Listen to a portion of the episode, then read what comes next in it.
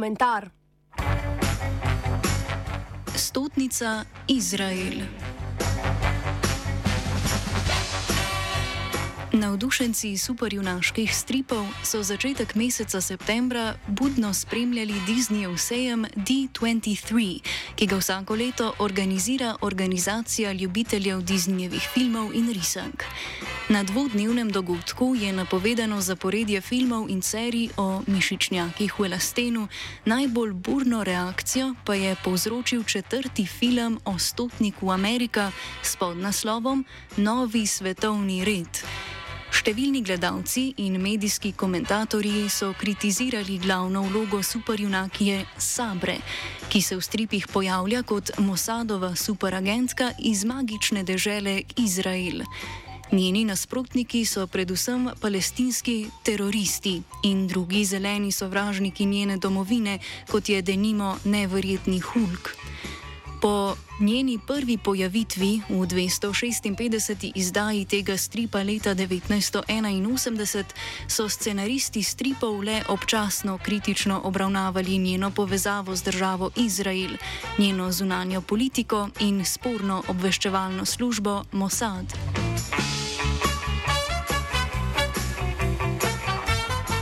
Je v ameriški zabavni industriji seveda pričakovano, saj zunanje politične pustolovščine ZDA in njenih zaveznic samoumevno veljajo za upravičene in pravilne. A kaj, ko so filmi o stotniku Ameriki in njegovih tovariših tako rekoč edini zabavni izdelki takšne vrste, dostopni na našem koncu sveta? V Sloveniji nacionalistični akcijski filmi ruske, kitajske ali indijske produkcije niso ne na voljo v kinih in ne na televiziji, ne na pretočnih servisih.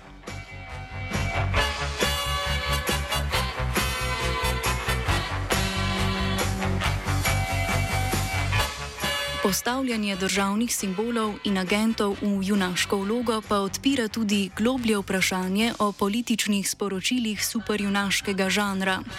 Protagonisti v stripih in filmih nadnaravne moči uporabljajo predvsem zato, da pred nadnaravnimi grožnjami zaščitijo status quo, za katerega samoumevno velja, da je pravičen. Ker pa gre bolj za izdelke, narejene po tekočem traku, kot pa umetniška dela, je potrebna jasna in glasna identifikacija dobrega in zla. Vsi poskusi avtorjev, da bi glavne like in njihove nasprotnike prikazali kot moralno odlične, izpadajo v najboljšem primeru plehki, pogosto pa se pisci takim poskusom kar odpovedo.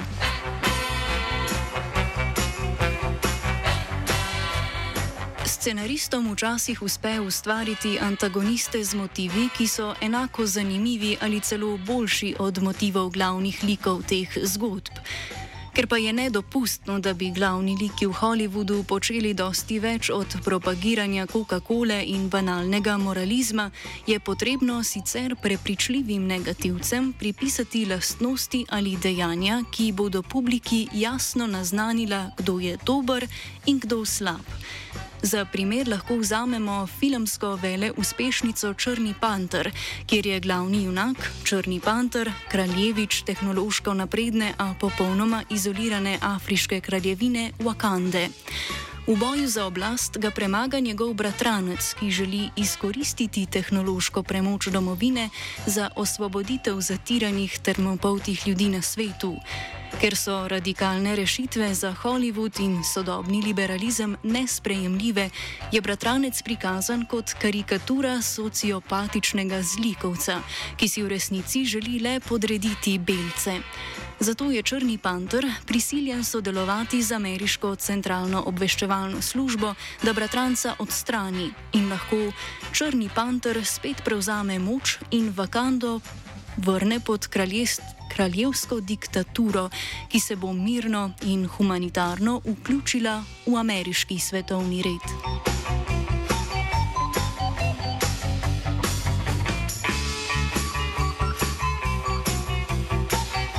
Podoben primer se pojavi v nadaljevanki Falcon and the Winter Soldier, kjer so glavni nasprotniki Sokola in zimskega vojaka begunci in anarhisti s supermočmi, ki se bojujejo za svet brez meja.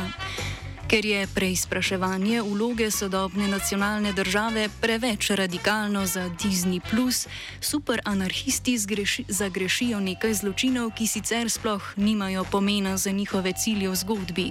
Sporočilo ustvarjalcev te nadaljevanke pa je, da bo upiranje statusu quo brško ne pripeljalo le do velikega krvoprelitja.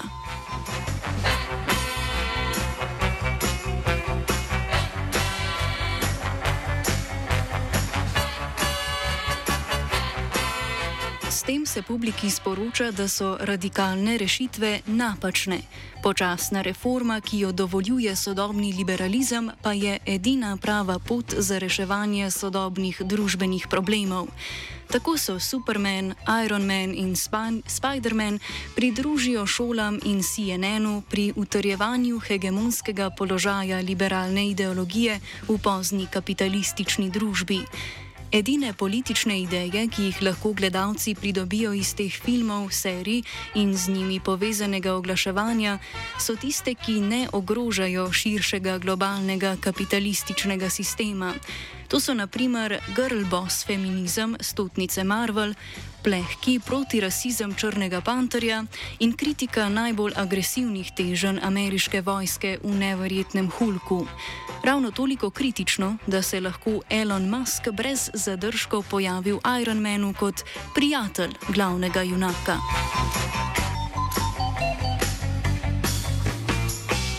Podobno ustrežljivost do statusa quo je pričakovati tudi od prihajajočega filma o stotniku Amerika, sploh ker apartheidu nad palestinci na vkljub velja zavezništvo ZDA z Izraelom za edino nesporno točko njihove zunanje politike.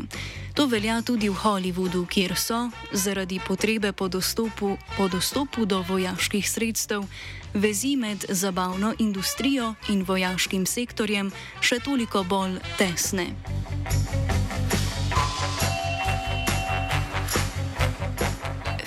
In video igre izraelsko vojsko prikazujejo predvsem v kontekstu fetišizacije izraelskih tehnoloških zmogljivosti in vojaških uspehov v 20. stoletju. Kontekst vojne med Izraelom in prebivalci Palestine je v množičnih zabavnih medijih večinoma pozabljen, v najboljšem primeru pa poenostavljen v nekakšen verski konflikt, ki tako ali tako traja odnegdaj. Tako je predstavljen tudi v stripu Neverjetni Hulk, kjer se Sabra prvič pojavi. S tem se kolonialno trpljenje palestincev potiska v pozabo. Nacionalni boj izraelskih okupatorjev in palestinskega ljudstva je v tradicionalni liberalni mlačnosti spremenjen v boj med ljudi in muslimani. Pri tem pa sta obe strani enako krivi.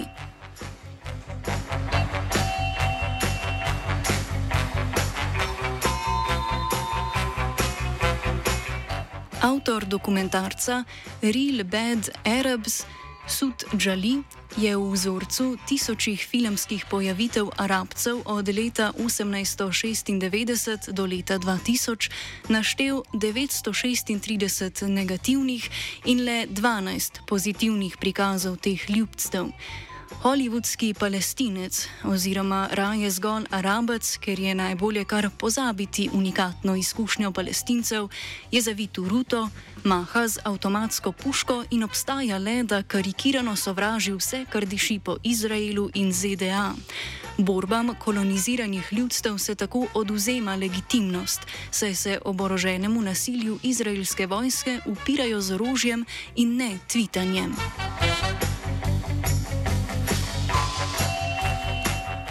Prav na Twitterju je tudi prišlo do upravičenega razburjenja zaradi objave, da bo v novem stotniku Amerika nastopila Mossadova superjunakinja. Disney je v izjavi zapisal, da njihovi liki in zgodbe sicer temelijo na stripih, vendar so vedno na novo oblikovani za filmsko platno in današnje občinstvo. Zato bodo ustvarjalci filma ubrali nov pristop k liku Sabre. V njenih novejših pojavitvah je bila še vedno povezana z Mossadom oziroma vsaj z izraelsko državo, zato je težko napovedati, kaj mislijo ustvarjalci filma Superjunakinjo prilagoditi publiki kritični do Izraela. Mogoče jo bodo le pri preimenovali v stotnico dvodržavna rešitev.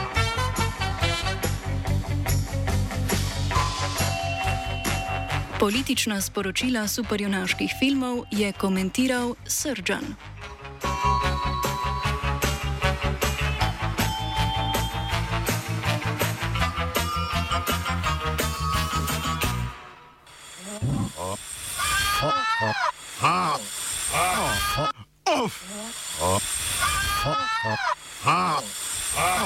Off komentar.